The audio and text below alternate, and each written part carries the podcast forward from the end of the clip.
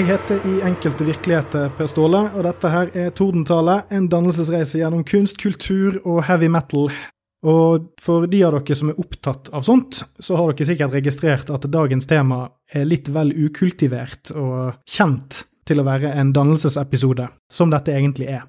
Men som jeg eh, pleier å si, at eh, strikken er ikke ferdigtøyd før den ryker, og det er jeg som bestemmer når strikken ryker. Så eh, når anledningen til å ha dagens gjest eh, bød seg, og dette temaet eh, dukket opp, så måtte jeg jo bare kaste meg eh, hodestups over det. Dagens gjest er Spellemannsprisvinner, sjangerbender, frontmann i Beglomeg, eller Beglomeg, det, de lærde strides, eh, rocker, tissevisetruer og snart forfatter, Raimond Teigen Hauger. Velkommen til showet. Tusen takk. Da fikk du jo presentert meg. Hva mm. sa? Tis, tissevise... Tissevisetruer. Duer, ja, det var Det var liksom det jeg tok med meg fra det showet. Flott ord. Mm, ja, ja, men jeg tenker det It contains multitudes, tenker jeg. Raymond, du kan jo ta og introdusere deg sånn som du introduserer deg for uh, Kiss-fans. Ja, jeg husker ikke hvilket år dette var, men jeg var på Kiss pub i kjelleren på Rockefeller. Eh, Jeg husker ikke hva det heter der, men eh, de hadde noen sånne Kiss pubs da, Kiss Army. Så da jeg kom inn der første gang, så var jeg et fremmed fjes. Og da måtte jeg presentere meg hva jeg het, og hvor gammel jeg var, og når jeg begynte å høre på Kiss og sånne ting. Det var litt sånn, hva heter det, tatt opp i eh, en klan, eller sånn. hvem, hvem er du, liksom? Nei, men var, da sa jeg vel det, nei, jeg har hørt på Kiss siden eh, 1987, tenker jeg. Da var jeg fem, og jeg hører fortsatt på det. Noe sånt. Noe sånt, ja. ja fordi at jeg setter jo umåtelig pris på at du vil komme og snakke om Kiss. Men kan du si litt om hvorfor du valgte dette temaet? Fordi jeg pleier jo å be gjestene mine om å, å liksom velge noe de brenner for, eller noe de har noe å si om. Det kan være hva som helst, og så er egentlig ideen at jeg skal lære noe. Eh, Men dette kan jeg egentlig en del om fra før av. Eh, Men eh, Så dette er bare en koseepisode, tenker du? Rett og slett. Men kan, kan ikke du bare fortelle litt om hvor, hvorfor var dette liksom det du tenkte? Det var fordi du hadde samme T-skjorte på når jeg møtte deg sist. Altså en Hot in the Shade Kiss-T-skjorte. Ja, det var Jeg Og tror Og jeg, hadde hørt rykter om at du var en fyr som likte Kiss. Ja, det, det stemmer jo. Ja. For så vidt ganske på en prikk. Så der, hver gang jeg møter folk eh, som liker Kiss, så liker jeg bare å prate masse Kiss. Ja, men konge. Det er jo det vi, vi liker her i huset. Man mynt, kan mynte vennskap både et helt liv.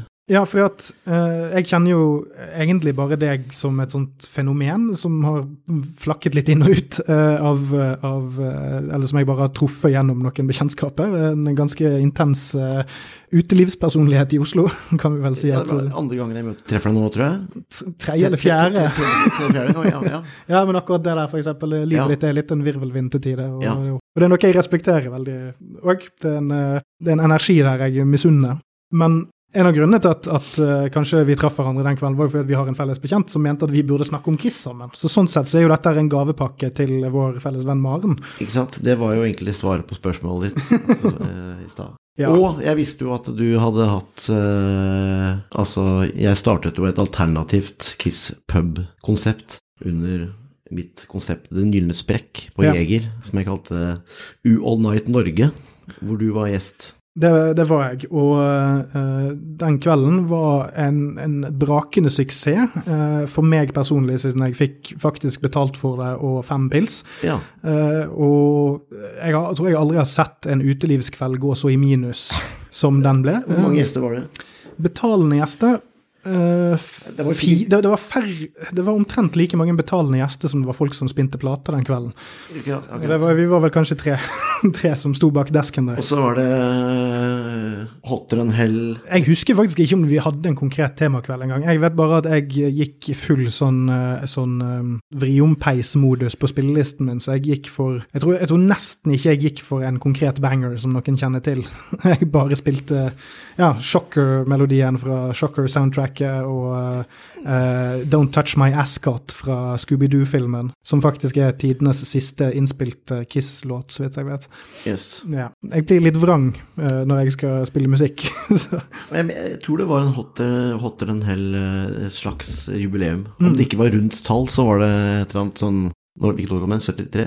1974. 74, ja. Mm. Ok. Men jeg tror, jeg tror det bare var den andre DJ-en som fokuserte på det. Jeg eh, tror jeg gikk total bananas på 80-tallet spesifikt. Ja, ja, det var ikke meningen at det bare skulle spille for det, men jeg tror det var liksom Altså, det var liksom eh, Hva heter det Med det som eh, bakgrunnsteppe, da. Og som dere hører her, så er det jo sånn at det blir kanskje en mindre rød tråd enn det som er vanlig i både gjesteepisodene og mine soloepisoder på dette showet her. Men eh, jeg tenker det at jeg er som sagt glad for at Raymond kommer. Du altså, du som sitter eh, eh, Fordi du er en fascinerende type som ser ting i litt andre, litt andre vinkler og farger enn det jeg gjør. Eh, og jeg tror at vi alle har godt av å lufte ut opphengene våre iblant. fordi Kiss er et band som det er lett å få et usunt forhold til, men òg et veldig personlighet. Ja.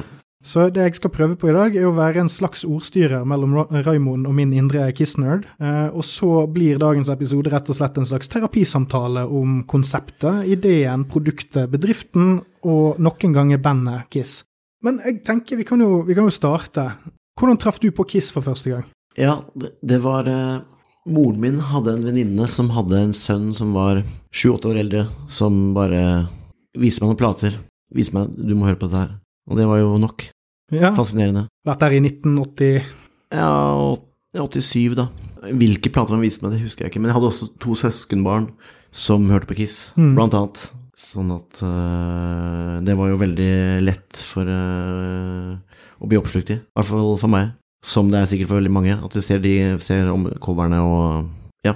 Ja, fordi at uh, det var en ting jeg oppdaget når jeg kjøpte Dynasty på vinyl, ja. Og satt den oppi disse her eh, trekassene, retro-trekassene som jeg har stående her med platesamlingen min i. Og da, da fikk jeg et flashback til min barndom òg, fordi eh, jeg har vokst opp eh, litt grisgrendte strøk, og Dynasty-coveret, der du ser liksom Gene og Paul kikke opp fra platesamlingen, det er et veldig vanlig barndomsminne for meg. Jeg tror det er sånn tre-fire fedre i venneflokken min som hadde sånn en gammel, en gammel utspilt eh, platehaug der Ja. Dynasty kikket opp. Oh, ja. Så alle hadde Dynasty med? Ja, det var liksom Dynasty og Unmasked var liksom de platene som, som dukket opp der. da. Det er, det er jo ikke kanskje mitt første musikkmøte med det, men, men eh, der jeg husker de første inntrykkene kom, er liksom som en sånn pussig levning fra 70-tallet. Det, det var ganske umiddelbart, husker jeg bare. Sånn at det fenget. Ja, for du, du sa jo til meg at Hits, eller Hot in the Shade, var din første plate, men det viste seg nå, nå når vi snakket uh, i forkant her, uh, viste seg at det kanskje ikke stemte. Crazy Nights kom ut i, altså, i 87, da. Før jeg hadde begynt å høre på det. Og så Mm. kom jo den samleplata. Smashes, Trashes and Hits. Som, eh, Så, så det er den første som eh, Om det ikke var mine egne penger, men som ble kjøpt inn og hørt på på mitt rom. Så, så kanskje den, den første regelmessige playeren du hadde, var Let's Put Jackson Sex? Ja. Det var også første møte med ordet, ordet sex. Første gang du ble bevisst på det? Ja, eller jeg, jeg visste vel ikke hva det var, men det var, det var noe, merket at det var noe spennende med det. Det er jo ikke alle som kan si at de ble introdusert for sex av Paul Stanley. Nei. Eh, Jeg fikk det ikke forklart, men jeg bare skjønte det at det, her er det et eller annet. Den platen er jo ganske interessant, siden den kanskje har, det er kanskje piken av eh, hva folk vil kalle dårlig Kiss. Det vil jeg tro, altså. Fordi de som er litt uh, uinne i det, så er jo, jo 80-tallet er jo Paul Stanley-tiåret, der han Det var omtrent nesten et soloprosjekt Ja. til tider. Og eh, jeg vil jo si at min favorittmusikkvideo av de noensinne er jo eh, You Make Me Rock Hard-musikkvideoen, der de er, spiller i et sirkustelt, og Paul Stanley svinger seg i en trapese og Ja. svinser rundt som en, eh, en jente med daddy issues. En leker deilig, som, som er hans varemerke. Ja, og, men, men du har òg et forhold til Hot in the Shade? Ja, den kom jo året etter, Mm. 89. Jeg husker jeg fikk den, det var en enormt stor booklet, sånn, det var helt umulig å brette inn. Ja. Husker du ikke? Jeg hadde Nei. kassetten. Jeg husker, jeg er jo litt yngre enn deg og uh, opp- opplevde ikke dette first hand, dessverre. Men Ja, eh, nei, men det var sånn enorm kassettbooklet som Mm. uh, du, tok den ut, så var det helt umulig å finne hvordan man skulle få den inn igjen. sånn 30 si- Altså stort trekkspill av uh, sider. det straffen du får for ikke å holde det i mint condition, er jo å drive og lage de der brettefoldene der. Ja, det er fascinerende greier. Bare prøv prøv å komme på noen minner fra, Mm. liksom, eh, fra Hot in the Shade. Eh, Ja, for på noen måter så er den og Smashes òg eh, kanskje eh, Det tror jeg faktisk var de kassettene vi hadde i hus, ja. som jeg overtok litt. Jeg, jeg oppdaget de kanskje ikke før jeg begynte å høre på ting i tenårene og sånt, men jeg tror eldstebroren min hadde et par av de. Så det er sånn smashes på en sånn bitte liten kommer. Ja. Det har jeg òg et sånt barndomsminne av. Hva de enkelte som prøver på på Hot in the Shade, det er litt vanskelig å si. Det Det er veldig mye forskjellig. Det er vel 17 låter eller noe sånt? Ja, det er, det er noe borti der, og det er jo den lengste studioplaten de har lagd òg. Den varer jo nesten en time. Ja. Jeg syns den får ufortjent mye tyn, faktisk, Ja. i, i fansirkler. Jeg synes På noen vis syns jeg den har et par av de sterkeste låtene fra hele, hele 80-tallet. Eller kanskje ikke altså Nå er jo min favoritt fra 80-tallet 'Creatures of the Night', så det ekskluderer den, da. Men uh, jeg syns f.eks. låter som uh, 'You Love Me To Hate You' og 'Silver Spoon' for eksempel, grovt undervurdert. De er det omtrent ingen som snakker om noensinne. Nei. Eh, og så er 'Rise To It' veldig bra. 'Forever' er en god ballade. Det er litt sånn som 90-tallet er i gang allerede. I, Ja. I, for det, det er 89, men det er, det er ikke så veldig 80-talls, egentlig. Nei, det er, jeg syns det er egentlig en, en sånn fin overgangsplate der, for det, det er ikke så jævla glitzy. Det er jo mange som har hengt seg opp i at produksjonen er dårlig og sånt, og det er jo fordi at de stakk jo av med budsjettet for å fylle sine egne lommer. Så de, så de har jo egentlig bare jazzet opp noen demoer Ja. i studio på oh, ja. noen uker eller en måned. Eh, Så det var, det var gjort on the cheap. Så du kan høre liksom programmerte trommer og sånt som de beholdte, og en del sånne ting. Eh, Men jeg syns, ikke, jeg syns egentlig at det bare bidrar til at det høres litt mer rock ut. At, at det, det er ikke liksom Crazy Nights-poleringen. Det rappes vel på så vidt der òg, gjør det ikke det? det husker jeg ikke helt. Det er ikke én låt. Read My Body. Det kan være. Det, Han har rappet tidligere i karrieren også. ja, på hvilken måte? måte? På Lick It Up-skiva. Ja, for det, det er jo en sånn, det er jo en sånn greie med altså Du har den rock and roll preacher-greien til Paul Stanley og sånn. Men uh, han, han har jo alltid en sånn her, et sånt ønske om å på en måte være en sånn fast, nesten jive-talking dude. Uh, men, men det var det jeg skulle si med det, det at jeg ikke husket hvilken låt du snakket om her òg. Det er jo òg en av grunnene til at jeg liker Hot in the Shade så godt. Fordi at den er så jævlig lang at man glemmer halvparten av låtene der. Jeg tror det er en Read My Body. Ja. Ja, men det, det er sikkert det. Og så er det sånn at det er sånn, jeg hører på han kanskje en gang i året, og da oppdager jeg en ny låt som jeg liker, som jeg har oversett. Altså det, det er rett og slett du, det, er ikke den, det er ikke nødvendigvis en sånn fantastisk plate, men den bare har så mye. Det er så mye raskt der, det, og, og det er veldig lite tanke på at ting skal henge sammen og, og sånt. Så det er mer bare en, en, en samling med interessante låter som ikke nødvendigvis er en sånn koherent helhet. Men er det fordi kom, Var det første som kom på CD, eller er det det, det kom nok sikkert noen andre på seg, men jeg tror Hot in the Shade kanskje er den første platen de hadde som der eh, kanskje CD-en solgte mer. At, at platemarkedet var litt på vei nedover. ja, men Eller er så mange, vinylplate. mange at de må sånn fylle liksom, Jeg vet ikke hvor lenge det varer. Eh, sikkert 58 minutter, tror jeg. var det. ja. Så den, den vinylen vi sitter og ser på her, er jo ikke nødvendigvis verdens beste lydmessig. Nei, de har fått klemt inn ganske bra der, ja. Ja, det går vel ut Jeg er ikke noen ekspert på det, men jeg tror det går utover dynamikk og litt sånn dybdefokus der. Ja, jeg er ikke ekspert på noen ting, så eh, Eh, men altså, det er vi jo litt sånn inne på her nå. Det er jo sånn, Når man ser bakpå uh, Hot in the Shade-coveret, så det, det ser jo òg ut bare som et feriebilde. Med en, med en, en hyggelig lineup, for så vidt. Jeg har jo veldig sansen for Bruce Kulick og Eric Carr på tromme. Men det er jo sånn, hele denne innpakningen her er litt sånn Hva klarer vi å raske sammen når vi er på Vi har jo sånn feriestil, kanskje. Det får sånne assosiasjoner, jeg også, men med, også med den T-skjorten din. Da. Det er, Mm. Den er jo veldig sånn Sånn Mallorca 1989. Ja. Ibiza. Uh, men, men det Bare for å få en liten overgang her, fordi uh, Hva er på en måte da ditt Kiss, tenker du?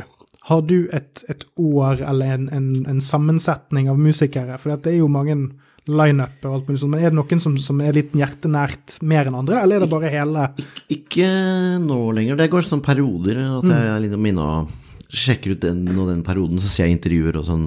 Men ja, altså, hvis jeg må velge en, en liten periode, liksom Sikkert 78 til eh, 82, så, Ja, eller men hvor, hvorfor akkurat den? For det er jo kanskje den perioden som Die Hardene kanskje krangler aller, aller mest om. Ja. For det, det er der du har soloskivene, det er der du har uh, Dynasty og Unmasked, som på en måte er kommersialismens uh, inntog, mm. direkte i hvert fall. Og så har du The Music from the Elder, som er den største floppen de har hatt. Det er sikkert det er litt kult når ting er litt sånn at de ikke vet hva de driver med. Det er veldig gøy å si. Eller, eller, hva de skal, eller hva de skal gjøre. Så det er veldig den følelsen, da. Kan du gi meg et eksempel fra Nei, liksom, men- den eraen som på en måte fenger? Nei, jeg digger alt. Uh, altså Jeg elsker jo The Elder, syns jeg er fantastisk. Den forsto jeg ikke ingenting av når jeg hørte den da jeg var liten. Så, og så coveret, tenkte jeg det her, det går jo, hva er dette for noe, liksom. Ja, og så kan, kan, få, kan vi jo regne med at lytteren kanskje ikke alltid henger med i svingene, men Music from the Elder er rett og slett en, en Bob Ezrin-produsert eh, konseptplate om Ja. en, en gutt som er destined to be uh, the chosen one. Ja, ikke sant? For da, skulle de prøve å lage en sånn Mektig rockeopera. Ja, og med sånn en dør på coveret, Mm. med en hånd. Det, er liksom, det var, den styrte jeg helt unna. Jeg tror ikke jeg satt Jeg vel, fikk vel lånt kassetten på et tidspunkt, eh, men bare det der tenkte jeg det, ikke, det der er ikke Kiss. Men i voksen alder så syns jeg kanskje det er den beste eh, plata av alle. Oi, såpass? Ja. Skulle likt å sett den filmen. Det er vel en fyr som prøver å lage en film, er det ikke? Som, som de har gitt tillatelse til- òg, hvis han bare å få ordna midlene. Ja, jeg, akkurat eh, hvor i sagaen eh, den eh, saken der er, eh, er jeg litt usikker på. Men det, jeg tror det er en som har lov til å lage det. For det var jo ideen at de egentlig hadde lyst til å lage en film i 1981 basert på dette. Men det er jo ikke så lett å lage en film om et konsept som ingen kjøper. De, det var jo en hel musikkvideo som de ikke slapp, som de hadde spilt inn der òg. Å ja. Ai, eh, musikkvideoen. Den, den ble jo ikke gjort offentlig før for et par år siden. Gjennom Husker bootleggers og sånn. Husker ikke om jeg har sett den, jeg. Eh, Det har jeg vel kanskje. Nei, de, de står og spiller live på en sånn Supermann The Movie-aktig scene. Litt sånn krystallbakgrunn. Og så er det egentlig bare en gjeng med, med statister som liksom er rockekonsertgjengere, som ser ut som, som de hører hjemme på Sesam stasjon. det er liksom ikke et hardbarket rockepublikum. Du husker å vise meg etterpå. Ja, det, er, det er masse sånne hull jeg har, som at liksom, jeg ikke har sett den. Så jeg er ikke, så, jeg er ikke sånn Kiss-fan at jeg liksom vet absolutt sånn eh, Jeg vet ganske mye mer enn eh, mange, men eh, jeg kan ikke hvert eneste detalj. Sånn der, og, det, Nei, altså det kan ikke jeg og det er ingen grunn til at jeg ikke har sjekka ut den videoen her. Jeg, vil gjerne se den. Ja, men den, den. ble lekket ut i en sånn HD-print omtrent. Men den er ikke offisielt gitt ut. Nei. Den ble liksom lagt på hyllen, og så er det nok Og det er jo det som er, det som er fascinerende med Kiss-fans, er jo at de graver jo. De får jo tak i alt mulig. De får jo faen meg Altså, hvis eh, Barack Obama hadde vært på en eller annen slags måte involvert i et Kiss-album, så hadde faen meg Du kan ta deg faen på at en, en Kiss-fan hadde klart å få gravd opp den fødselsattesten. Men, men eh, ta, altså, jeg er òg veldig fascinert av The Elder. Nettopp, kanskje av akkurat det du sier der. Det var òg en ganske sein, eh, et innkjøp for min del. Men så er det kanskje en av de platene jeg går tilbake Jeg hører ikke på den sånn dritmye, men jeg, den er levende for meg fremdeles. Den er liksom ikke, jeg, jeg har ikke skjønt den. Det finnes jo i to forskjellige rekkefølger også, tror jeg. Med ja, en som selskapet har satt opp, og en som, en, en som de hadde. Som Ja. er litt mer eh, ukommersiell rekkefølge. Ja, den uh, reissuen som de slapp Ja. ut når de remasteret, den tror jeg er i riktig rek rekkefølge Ja. på, på 90-tallet. Men det var vel det at rett og slett den flyten på storyen henger ikke på greip på den originale Nei, så de vil kjøre Vi hadde vel en, The Oath, altså den mest rockiga låten, som åpning. Mm. Den er jo kul. Sånn som for den, Under the Rose, er kanskje den største standouten for meg på hele Det er sånn, sånn gregoriansk chant. Mm. Det jeg òg er veldig fascinert av med f.eks. Eh, disse Bob Astrin-produserte Kiss-greiene, er hvor utrolig coked out de platene er. Ja. Når to av hovedfolkene ikke er cokeheads i det hele tatt. Det er imponerende hvor lite Det var vel et par andre aktører med der som var det Yes, men det er imponerende hvor lite avholdsmenn holder i tøylene på de prosjektene der, for å si det, være helt ærlig. Det var bare én avholds. Paul Stanley er vel eh, Han er ikke så glad i drugs, men han tar seg vel et glass vin i godt lag.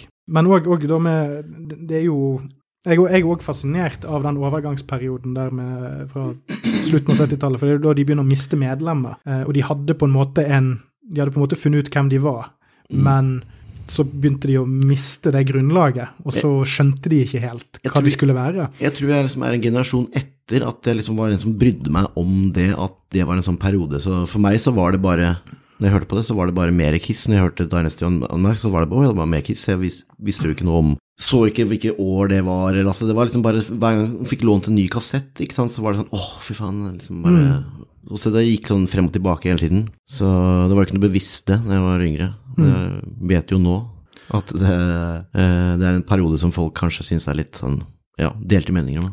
Ikke skjønner at de ikke liker eh, Dynasty og sånn. men, eh, Dynasty er en, en plate jeg på en måte hadde avskrevet litt, helt til jeg bare begynte å høre på den litt igjen. det er en veldig vanlig, vanlig move. Men, men at den Jeg tror Unmasked kan jeg skjønne at folk er litt mer hissige på. Ja. For den er liksom enda mer i det kommersielle laget. Men Dynasty er mye på en måte mer rock enn det folk skal ha det til. Det er bare det at den starter med I Was Made For Loving You, liksom.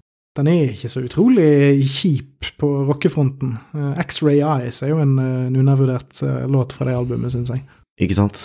Du er ikke en, du er ikke en sånn original-lineup-purist, for eksempel? Nei, det er jeg ikke, men uh, jeg, jeg, hvis jeg skulle gått og sett Kiss igjen nå, så hadde jeg jo selv sett at det var original-lineupen. I den tilstanden de er i nå, Ja, hele gjengen? Ja, men jeg, jeg, ja, hvorfor ikke? Det er jo det man vil. Alle vil vel det. Hvor, Vet ikke. hvor- Hvorfor det? Jeg vet ikke. Jeg bare synes, jeg har vært og sett de to ganger med Tommy Taylor. Jeg syns ikke det, det har vært Det er litt sånn kjipt. Man liksom står og ønsker at det skal være en annen, på en måte. Han er vel den som har spilt lengst gitar i Kiss. Ja, både han og Eric Singer er vel de med lengst fartstid Ja. eh, nå samlet. Hva er, det, hva er det på en måte som mangler i de konsertene nå, syns du? Ja, altså, jeg føler altså, Tommy Taylor har liksom ikke Han er ikke en egen gitarist. Mm. Altså, alle de andre har jo hatt sin egen sitt eget uh, stuk, eller egen stil, liksom. Og han gjør jo bare en rolle, liksom, som en annen person. Og Og, spiller ikke de soloene like kult, liksom. nei, og det der, er litt, det der er jo en litt sånn artig avveining, fordi eh, altså Tommy Thayer er jo da den gitaristen som han steppet inn i 2003. Så han har jo vært i nesten 20 år nå. Men de, jo, de har jo gjort en stor greie ut av at han måtte lære Ace Frehley hvordan han skulle spille gitarsoloene sine før reunion-turneen. Ja.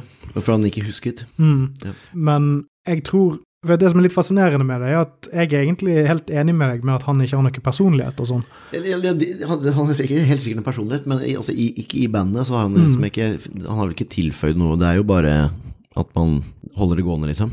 Det er ikke noe nytt Kiss med de, liksom. Det er bare det er, Nei, nei, men jeg, bare prøver å sette fingeren på, på hva som gjør at fordi inntrykket mitt på deg nå, når Ja. vi snakker om musikken, og vi har Ja. gjort det mm, før og under innspilling nå, så er det sånn jeg, jeg får ikke inntrykk av at liksom, purismen er så sterk i deg. Men, men, men når jeg stiller dette spørsmålet, så går du fremdeles tilbake igjen til originalbesetningen. Og det, ok, Ja, ja, hva, er, hva er det for noe, liksom? akkurat nå, da, sånn som hvis de skal kjøre altså, jeg, jeg tenker de kan vel sikkert gi seg snart også, men uh, Ja, det.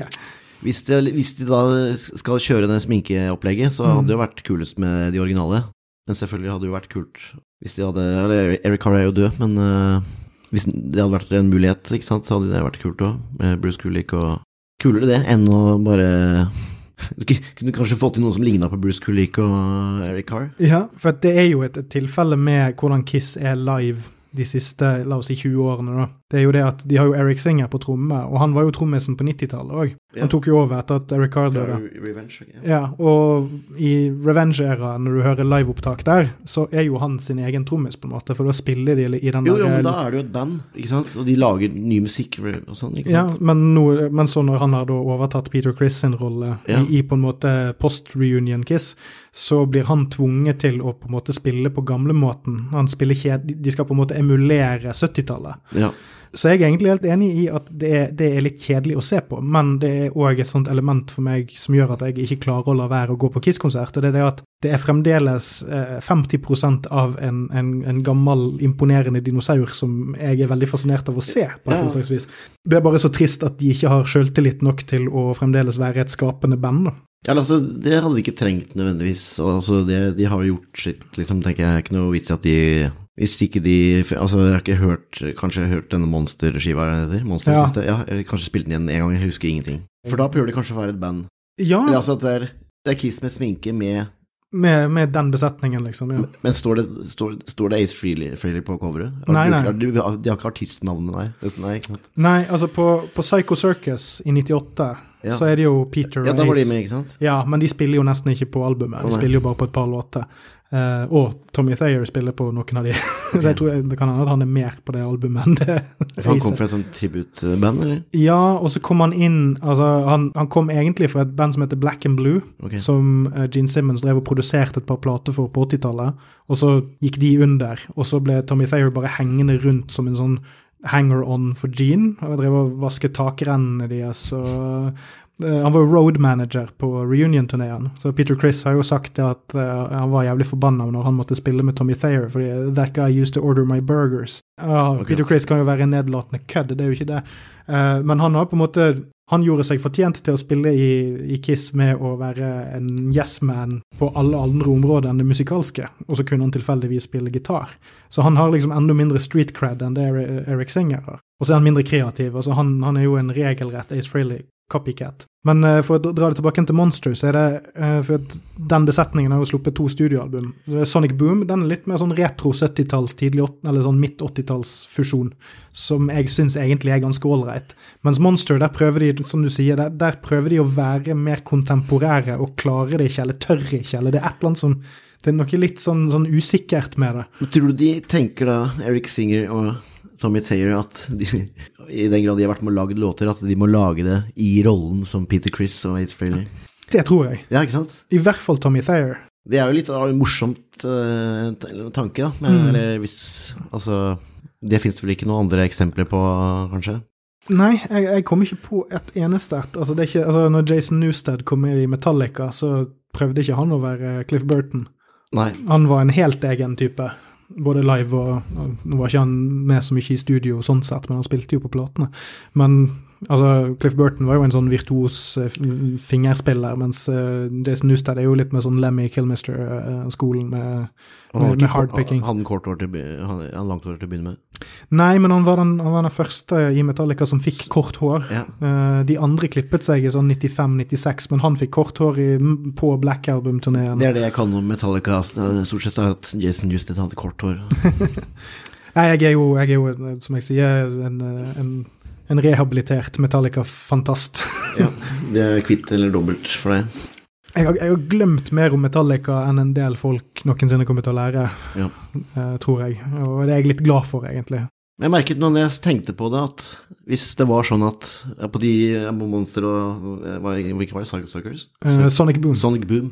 Ja, Psycho Suckers var den med Ace og Peter? Ja, ja. den er i 98, og så er Sonic Boom i 2008 eller 2009. 2009 er det. Jeg, ja, jeg husker ingen av de låtene fra de to albumene i mm. det hele tatt, men hvis det var sånn, så er det jo det litt interessant at noen da sitter og tenker at jeg skal lage musikk i rollen som noen andre.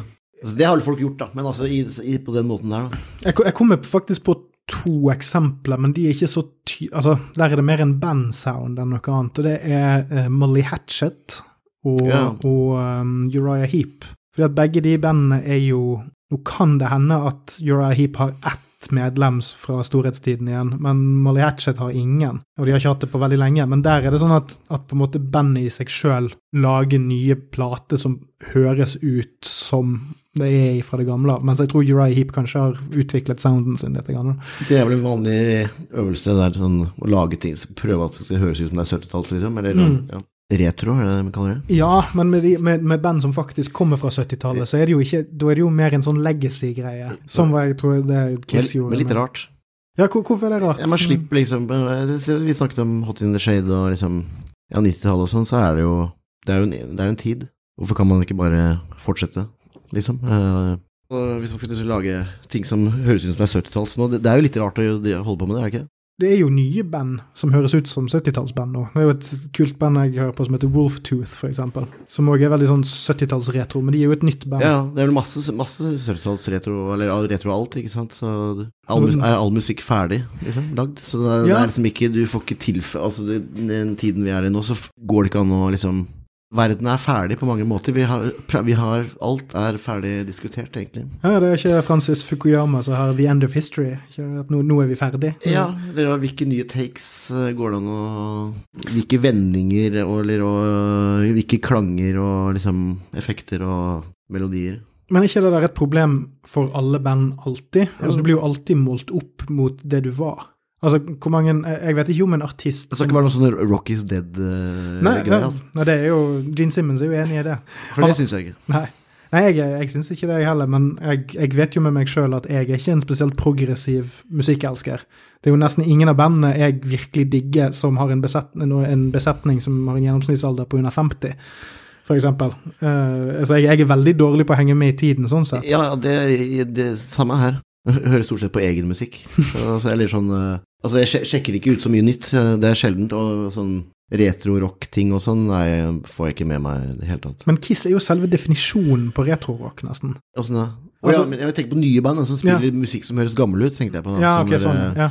ja, sånn, ja. Kiss høres jo veldig ut som seg selv, uh, helt til Hvor lenge skal man si? 98, tror jeg du kan si det. Ja. Jeg var ganske jeg, var, Jeg sto i en, jobba i en CD-butikk når eh, Carnival of Souls kom ut. Dette er en anekdote jeg har lyst til å, lyst til å høre. Da, det var litt sånn som jeg fikk låne den de eldre kassetten da jeg var liten, at jeg så på det coveret og så bare skjønte Er dette ekte, eller hva er dette for noe? For det er litt sånn der dårlig bilde, nesten sånn feil oppløsning også. Eller, eller, eller Ja, er det litt sånn, sånn- sånn linse Litt sånn det bootleg-aktig ut. Ja, og det var fordi at den ble jo lagt på hyllen pga. Reunion-turneen. Ja, for det er, det er da, ja. Mm. så, så den var spilt inn, og så ble det reunion. De burde ikke hatt reunion, hvis uh, det, det er mitt take her. Det er jeg egentlig helt enig i.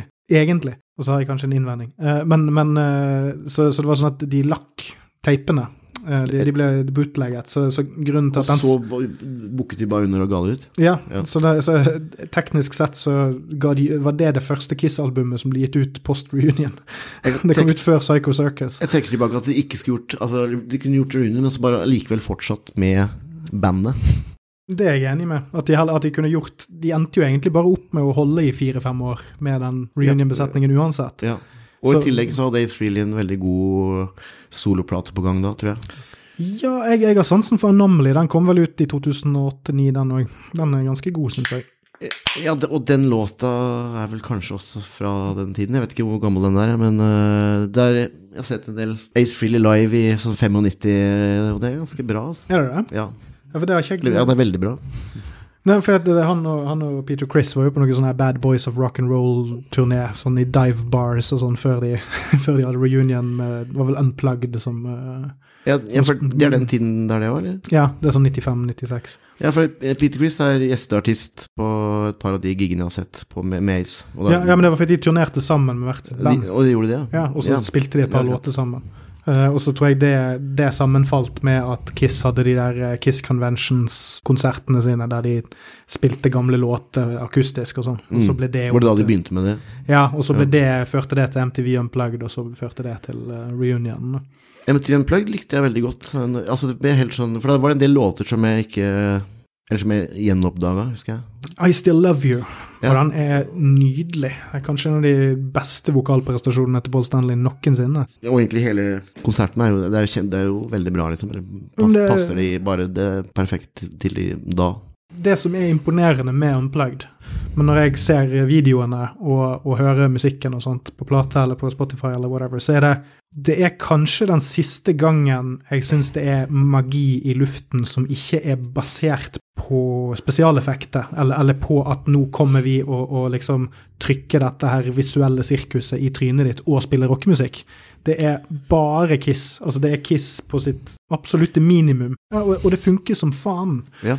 Og stem, du hører at de som sitter i publikum, elsker hvert eneste sekund av det. Og når de spiller Rock and Roll All Night med Peter og med, med Ace, så er det det er magisk. Det er ikke perfekt, men det er magisk, liksom. Ja, enig. For hvilket år var det Unplugged? Var det, var det 96? 95 For da tror jeg, da fikk, når den kom, så fikk jeg, da fikk jeg da hadde jeg hatt en lengre pause hvor jeg ikke hadde hørt på det. Eller jeg ikke hadde hørt på Kiss på eh, siden ja, Når var det 90? Eller altså For jeg var egentlig av når Revenge kom. Ja. Så husker jeg at det var eh, ah, oh, en kompis eller eh, noen som hadde kjøpt Revenge. Så Mm. var det, da hadde jeg litt sånn innstilling òg. Oh, har, det, har det ikke gitt seg, liksom? Eller sånn. Og så syns jeg bare at det var litt hardt. Jeg likte, jeg likte ikke den, eh, det soundet der, da. Nei, for er, er ikke du egentlig en heavy metal-entusiast, eller? Eh, jeg vil heller si hard, hardrock. Eller sånn rock av litt hardere sort. Jeg vil ikke si at det er ikke heavy, nei. Hvorfor går du ikke over til heavy? Da? Eller, jeg, eller metal, da? jeg, jeg liker min heavy, eh, ja, også, men uh, eh, jeg vil jo si da, fra barndommen, at det var Jeg likte ting som var sånn, gikk litt sakte, og vokalen kunne ikke være for sånn Altså, jeg klar, Iron Maiden, for eksempel, klarte jeg ikke. Det gikk for, var altfor fort, eh, raskt og liksom Jeg vet ikke. Jeg likte ting som hadde, var litt sånn slow-paced. Mm. Og ikke for, ja, ikke for hardt. Eller sånn groovy ting, da. Og jeg syns det, når jeg hørte det Og det var jo det, det når Revenge kom også, ikke sant, så da bare hadde jeg noen år jeg ikke hørte på Kiss, for det, det ga avsmak. Men så kom Unplugged, og da fikk jeg gnisten igjen på det. Og den har jeg vel hatt siden at jeg har det nå, i perioder. da, at bare kommer og går litt, ikke sant. Og så, men jeg hører jo på det om ikke ukentlig, så er det i hvert fall månedlig. Ja. Ja. Mitt første møte med rock, eller min, min første kjærlighet til heavy metal. Og så har jeg på en måte jobbet meg tilbake igjen, så jeg fant ikke Kiss før jeg på en måte var hadde på en måte definert rammene for heavy metal, hva jeg likte. på en måte. Og så fant jeg Kiss, og så har jeg funnet litt sånn andre sånne Ja, altså Molly Hatchet liker jeg jævlig godt, som egentlig er sånn, sånn sørstatsboogie på grensen til tungrock, men egentlig ikke. Litt sånn Skinner rip-off. Uh, Southern en ja, men det, det, er virkelig, virkelig anbefalt rockefot-rock. Men, men eh, poenget mitt var i hvert fall det at uh, jeg kan identifisere meg veldig med denne ideen om at noe kan være for at, at man kan bli mett, eller det blir for mye innenfor metall og sånt. Men det, det jeg da ikke skjønner, er at, at revenge blir for, for hardt. Fordi egentlig, og nå har jo jeg nylig overanalysert revenge i stykket, eh, egentlig så er ikke den platen så forbanna tung. For, Den- men for meg, da i Mm. Var det 92? Ja. Ja, da var jeg ti, da. Eh, også, men det var også det visuelle ved det, altså hvordan de så Ja. ut og sånn. Det, det, det, det var ikke sånn jeg kjente det igjen, og ville ha det. Nei, men det kan jeg være enig i, for det er sånn image-messig der, så i, i hvert fall på de promotingene. Lange skinnjakker og litt sånn Matrix-aktig, er det ikke det? Ja, og det er litt try hard. På turneen og sånt, når du ser de på intervjuet, så er de mer sånn, sånn, sånn De, rockegubbe-aktig. de var litt sånn fremmede for meg, sånn, Ja. sånn som at eh, det var en gang uh, pappa hadde tatt skjegget eh, og ikke sa fra, så ble jeg livredd. Det var ikke, ikke helt det samme, men litt, sånn, da. Det, det, det, det, kjenner jeg ikke igjen lenger.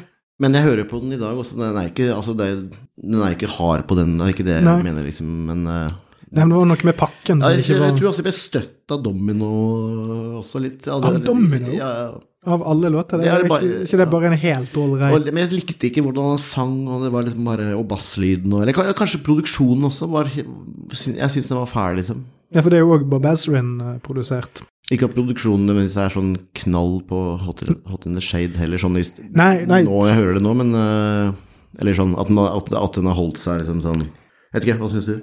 Altså, For meg så er det jo sånn at jeg bryr meg ikke så jævlig om produksjon, eh, med mindre jeg merker at det går på bekostning av noe. Men så kan jeg verdsette god produksjon. Andre, det, det er ikke sånn at det er make it or break it, men det er sånn nok Jeg mener ikke at noen av de platene skulle hatt en annen sound overhodet. Det, det, det er ikke det. Nei, men jeg tenker med, med eksempel Revenge. Så, sånn at den platen kunne, kunne hatt produksjonen til Hot in the Shade. Det har den Men- litt men- også. Det er vel litt sånn transition-plate, Hot in the Shade, ikke sant? De Ja, men, men, eh, men eh, siden det er Bob Esrin som produserer Revenge, så er den, den er tjukkere. Altså det, det er en, en veldig velpolert studioplate. Det er veldig utstudert. sant? Den er, den er designet for å være eh, Metallica-kontemporær. Men så er det Kiss som er bandet. sant? Jeg tror de kunne, altså de kunne, de kunne hatt Hot in the Shade-produksjonsverdien på den, men låtene ville vært like kule. Men, men jeg syns det er morsomt å, å liksom merke disse her litt sånn arbitrære skillelinjene. For det er jo det som dukker opp i Kiss-fandom, er den her Alle har sin egen alle har sin egen versjon av Kiss oppi hodet. Hva betyr arbitrær igjen? Eh, er, er det, eh, arbitrær er pretensiøst for tilfeldig. Eh, det var en annen venn som også sa dette ordet til meg ganske nylig, og så turte jeg ikke å spørre hva det betød. hva sa du at det tilfeldige ved Kiss-produksjonene? Nei, nei, at, at det er Alle Kiss-fans har sin egen Dette er en ting jeg har påstått før, eller jeg påsto det i hvert fall på Revenge-episoden min, er at inni hodet til enhver Kiss-fan så er det en, en versjon av Kiss som fins, som er unik for den personen. Ja. Den versjonen av Kiss har aldri eksistert, egentlig, men det, det, de har en sånn drømmeversjon, eller en sånn 'dette er Kiss for meg', og så er målet deres med å møte andre Kiss-fans er å prøve å få de til å skjønne Sin Kiss? Ja. Men er det ikke som med alt at man eh, Altså sin egen persepsjon? Jo, jo det, det vil jeg si, men det er veldig unikt for Kiss, for at Kiss har gått gjennom så mange endringer som bandet helt altså Det, det er så, så hvis trendy jager. I dag, hva er Kiss nå, nå liksom, i hodet ditt og mitt? Det, det er jo kanskje det jeg er ute etter med denne episoden, å prøve å få ut av deg hva det er. Ja, ja. For å ha noe å sammenligne med, da, så er oppi mitt hode så er det sånn at jeg har verdsatt de siste 20 årene med Kiss på den måten at jeg har fått lov til å oppleve det. For jeg var ikke gammel nok til å gå og se de i Spektrum, og jeg var ikke egentlig på reunion-turneen, sånt. det, det var jo jeg, men eh, antageligvis så ville jeg kanskje ikke. Vet ikke. Jeg hadde jo muligheten, så det er veldig rart at jeg ikke var der. Jeg vet ikke hvorfor. Det husker jeg ikke, faktisk. Altså, hadde jeg hatt en far som var Kiss-fan i 1998, så hadde jeg nok kanskje kunne gjort det, men jeg var ikke på en måte Kiss-fan da, og det var ingen i familien min, og det var ikke, det var ikke liksom en sånn greie som var Altså, når, når Kiss hadde reunion-turneene sine og sånn, så var ble, det var òg en sånn barndoms-Kiss-opplevelse for meg, for da plutselig var dette denne rare 70-talls-anakronismen tilbake igjen. Det, det, hang ikke på greip med resten av, av popverdenen, sånn som ting fungerte. Når du plutselig så liksom Psycho Circus på VG-lista topp 20, Ja. sånn, hva faen er dette her for noe? Og det, det var jo noe som plantet frø til et par år seinere, når jeg begynte å sette pris på det. Men uh, Kiss har vært en anakronisme jævlig lenge, tror jeg. Og jeg tror Kiss-fans er veldig bevisste på det. Anakronisme? Anakronisme, altså de Jeg, jeg, jeg troller ikke, det bare, bare Jeg husker ikke hva ordet betyr. Velkommen til Honnings språkshow. Um, nei, anakronisme er når du- når du ikke passer inn. Eller er noe som Per Egil Honning. Ja, Per Egil Honning. Eh, nei, men altså eh, at du ikke passer inn. sant? Altså, hvis, hvis, du, hvis du har, uh, hvis du har en, en rekke med golden retrievere, og så er det en, en geit inni der, sant? så er det en anakronistisk inntreden. Jeg vet ikke hvorfor jeg valgte det eksempelet. Det er et veldig dårlig eksempel. Jeg vil gjerne at du fortsetter å bruke ord, de ordene du vil bruke, så, men da jeg, sa også persepsjon i stad. Det var ikke for å par parere noe ordbruk. Nei, nei, jeg tenker vi, vi kan godt uh, unngå, unngå å være Nei, nei. for selvbevisste på, på store ord. Jeg, jeg, jeg er veldig flink til å ignorere ord jeg ikke kan, for, å- for å virke smartere og tøffere. Nei, nei, nei jeg prøver å bruke minst mulig av det. Mm. Jeg tror ikke du gjør det heller. Det det var ikke det. Men jeg, jeg spør hvis jeg lurer på noe. Mm. Men, men for, for, å, for å fullføre tankerekken, Ja. er det at som du var inne på, du var jo veldig på dette med altså, at hvis du skulle nevne en periode, så var det sånn 78 til 82. Ja, det er nå, liksom. Der, er, liksom men jeg syns, det syns, den syns jeg er veldig Den god. Den er god. Ja. Men det som òg inntreffer der, er jo det at det er slutten på tiden der Kiss faktisk var i tiden. Fordi Kiss hadde bare et bitte lite vindu på 70-tallet der de faktisk var relevante. Egentlig, altså sånn de som ledet an, eller var hovedoppmerksomheten i offentlighetens Ja. søkelys, som de har jagd siden. Ja, og at de etter hvert har fulgt det bare etter og tender og så hva, hva, hvilke ting som funker, liksom. Ja, og, og jeg tror at det, det er en nøkkel til hvorfor Kiss-fans all, Altså, alle Kiss-fans har denne rare versjonen av Kiss oppi sitt eget hode, eller et ønske, en eller annen ønsketenkning, og at man alltid sitter og krangler om æraer og kostyme og besetninger. Fordi man, man hadde på en måte et vinnerlag på et tidspunkt. På et tidspunkt så var Kiss Så var alle enige. ja, det, altså Kiss var på et tidspunkt Manchester United i 98-sesongen, sant? Og så gikk det til helvete, og så prøver man å komme tilbake igjen dit. Og så får Ja, de ikke sant. respekt. Og så, ja. Det er, det det er litt som å heie på et, et veldig bra lag i andredivisjon. Eh, eller kanskje lavere òg. Ja, kanskje enda lavere, for helt ærlig. Eller var det referanse til Kongsvinger? Om du vil. Eh, jeg, jeg er dårlig på baggerslag og hel volley, så ja, jeg kan ikke en dritt om fotball. Nei. Ok, men eh, nå begynner jo jeg å bli litt drita, så nå, nå tenker jeg den røde troen den er kastet opp i luften og kan egentlig bare gå en sakte død i møte. Eh, men, men for å pense oss inn igjen litt på det underdog-aspektet som jeg snakket om i sted, at Kiss var populære i et bitte lite rom, et bitte lite sted, og så har de, alt, har de siden da på en måte jagd den storhetstiden. Og, og liksom prøvd å opprettholde illusjonen om at de fremdeles er så store som de var i 1976. Og at det er med på liksom, å mate denne eh, Kiss-fandomen eh, veldig i måten de møter både annen musikk og, og hverandre i. da. De kommer tilbake litt midt på 80-tallet, 80-tallet, ikke sant? At det ble sånn svært arena Nei, de ble aldri det igjen. Brege? Brege? Nei, altså, men det er jo det at de var jo ikke et svært arenaband mer enn i et par år. Og det som er litt sånn artig når man ser på 80-tallet, f.eks., er jo det at de, den suksessen de hadde på 80-tallet, var jo en suksess som veldig mange andre band ville vært veldig fornøyd med. Altså, de solgte til gull og platinum og spilte for i snitt 5000-6000 folk hver kveld, eller noe sånt, sant? som er mer enn godt nok. Men siden de husket en tid der 13 14 15 til 25 000 så det, og de solgte ut Madison Square Garden flere kvelder på rad og den typen ting. Så det, det er på en måte sånn at Paul og Jean har jagd Chased That Dragon Ja. resten av karrieren, som gjør da at Animalize selger til platinum, men det er ikke nok, for de er ikke store nok. Det alt, de må alltid omjustere altså det, det er ikke én studioplate Kiss har lagd som er en naturlig forlengelse av det som var før, kanskje bortsett fra Lick It Up, som på noen vis henger veldig på greip med Creatures. Altså, Lick It Up kunne Mm. på en måte vært en Creatures 2. Men det er også sånn transition, ikke sant? At de blir mer kommersielle. Og... Ja, Uh, men igjen, det er et underdog underdog-band sjøl da, og jeg tror altså, Det er jo en grunn til at Kiss uten sminke er jo unaturlig populære i Skandinavia, f.eks. For, eksempel, for de kom jo ikke hit før, før, rett før de sluttet å spille med sminke. Når var den første gigen i Norge? Jeg tror det var Drammenshallen i, i 80 på Masked-turneen. Okay. Så, så, så, Norge fikk ikke originalbesetningen før i 97, tror jeg. Seks? Nei, spil og de spilte ikke i Spektrum før det? Nei, nei jeg tror det var 90 Nei, ja, altså på, på reunion-turneen. Mm. Det sant? Ja, kanskje de har sånn uh, Fordi de var Fikk dårlige anmeldelser og sånn, uh, og folk Altså, det var bare folk ville ha dem, men altså kritikere og sånn har alltid mislikt det. Var det det ja, du snakket ja, om, ikke sant? Ja, ja, kritikere og, og at de... Så, så der blir det sånn som Trump, som fikk høre at han ikke Du kan aldri bli president, ikke sant? Så bare Skal faen meg bli det. Jeg hadde jo en drøm om at Gene Simmons skulle møtt han i primary igjen. For jeg, jeg tror Gene Simmons er den eneste som kunne slått han. Ja, det tror du? Ja, han er på en måte rockens Donald Trump. Det har ikke vært noe vold uh, som man vet om med han, eller? Sånn, eller? Med Gene? Ja, Nei, men han har vel hatt noen sånne metoo-saker i uh... Ja, det, det, kan jeg se for meg, men sånn at Burde du ha hørt om hvis det var noe Nei. slag?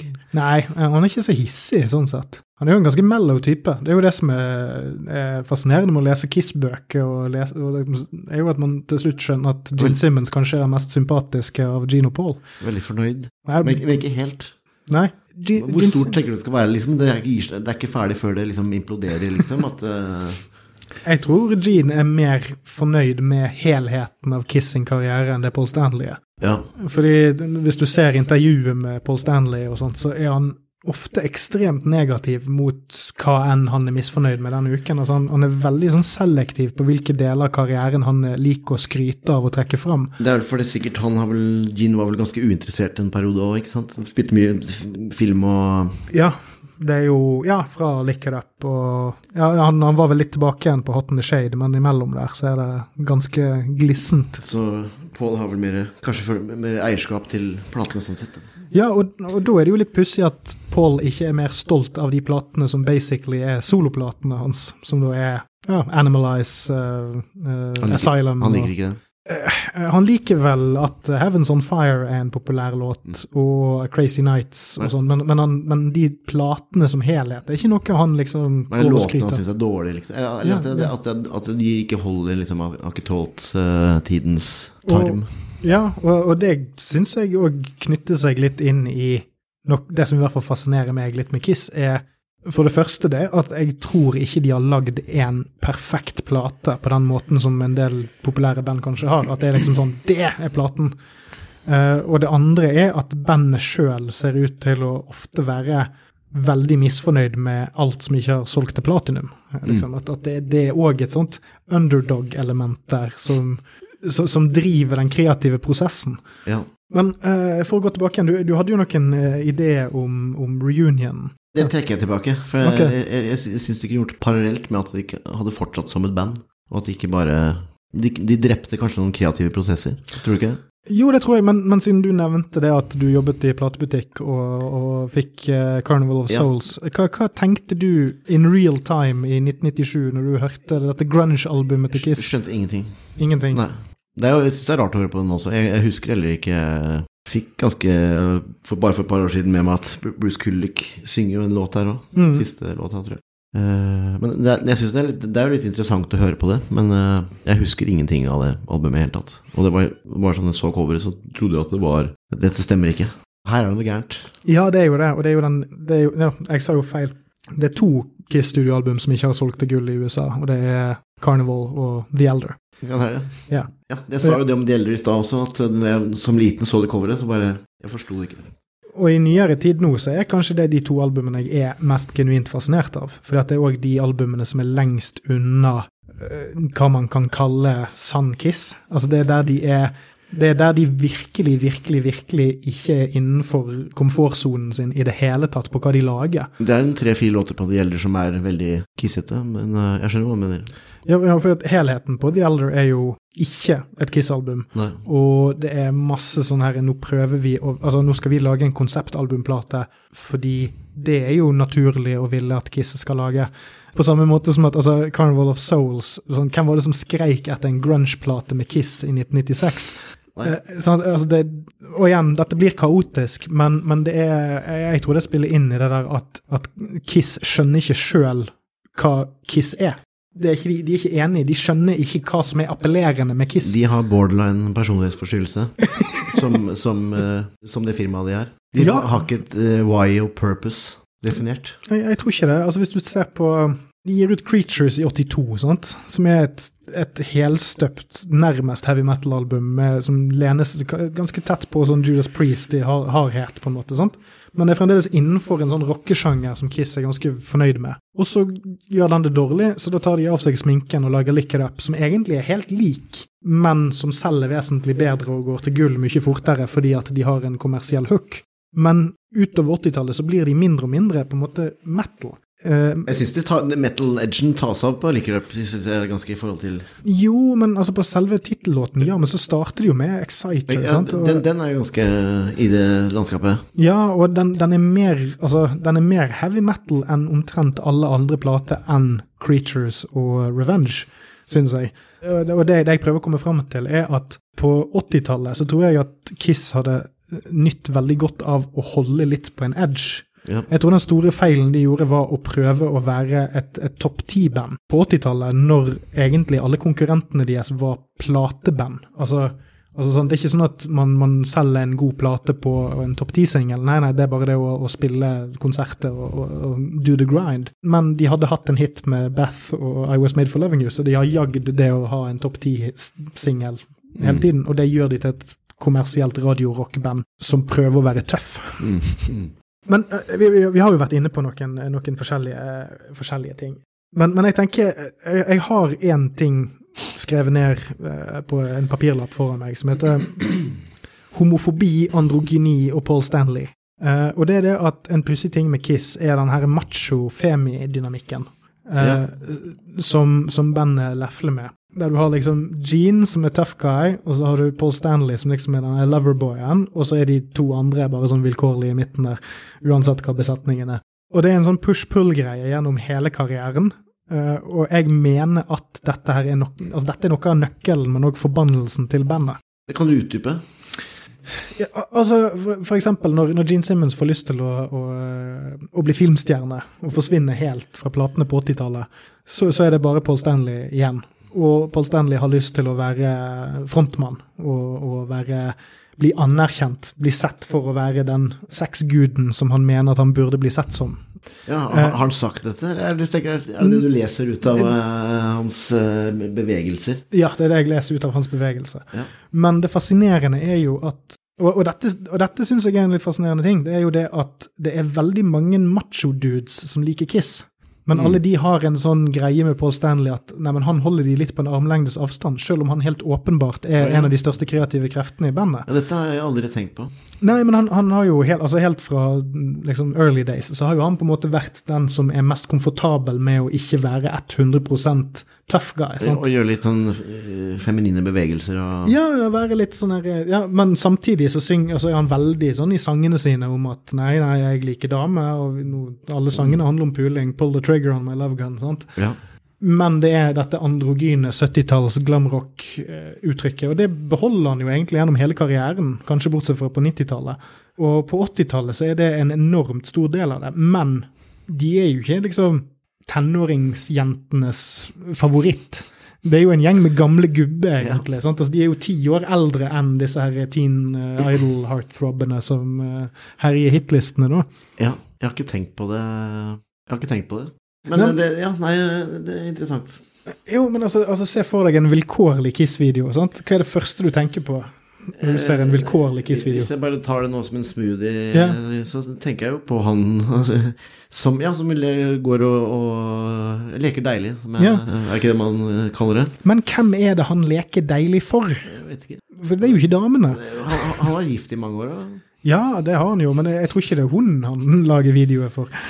Nei, så du tenker at Nei, det, hvem? ja? Han tenker at det kanskje er noen uh, damer som ser på, da, som, syn- som uh, syns han er deilig? Jo, det var det jo sikkert, men det var ikke det som solgte plate. Nei. Det var, det var jo Kiss Army. Altså disse her eh, En gjeng med, med Tror du han har en pornoskuespiller i seg, liksom? Ja, det har han nok, hvis han hadde, hvis han hadde turt å være naken foran kamera. Det tror jeg ikke han er, for Paul Stanley slår meg som en grunnleggende usikker person. Du, du har sett den Exposed-videoen, eller? Uh, ikke Exposed, for den klarer jeg ikke å finne. Uh, for at Exposed det er jo den der, der de liksom er litt sånn skuespill, altså de Ja, har en ja. sånn her mockumentary. Ja. Ja. Ja, nei, den er jo veldig sånn uh, sexy, i hvert fall uh, tenkte jeg det når jeg så den. Uh, husker ikke når jeg så den første gang, men uh, ja, for da, bor de i et hus, og det er masse damer rundt omkring, og, Mm. og han er sånn del, da er han vel delvis naken hele tiden.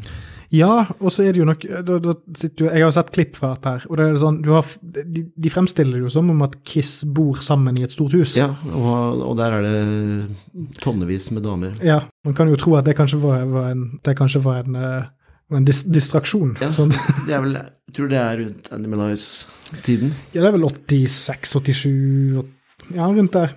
Jeg tror, jeg tror den Exposed er sånn jeg husker at det er klipp fra Animalize-turneen, mm. blandet med forskjellige scener hvor Paul Stanley ligger i seng med flere damer og sånn. Ja, det er jo òg The Decline of Western Civilization 2. Ja, ja, det er kanskje klipp fra den i den. Ja, der ligger han i hvert fall på en seng med noen Ja, damer. det er fra Exposed.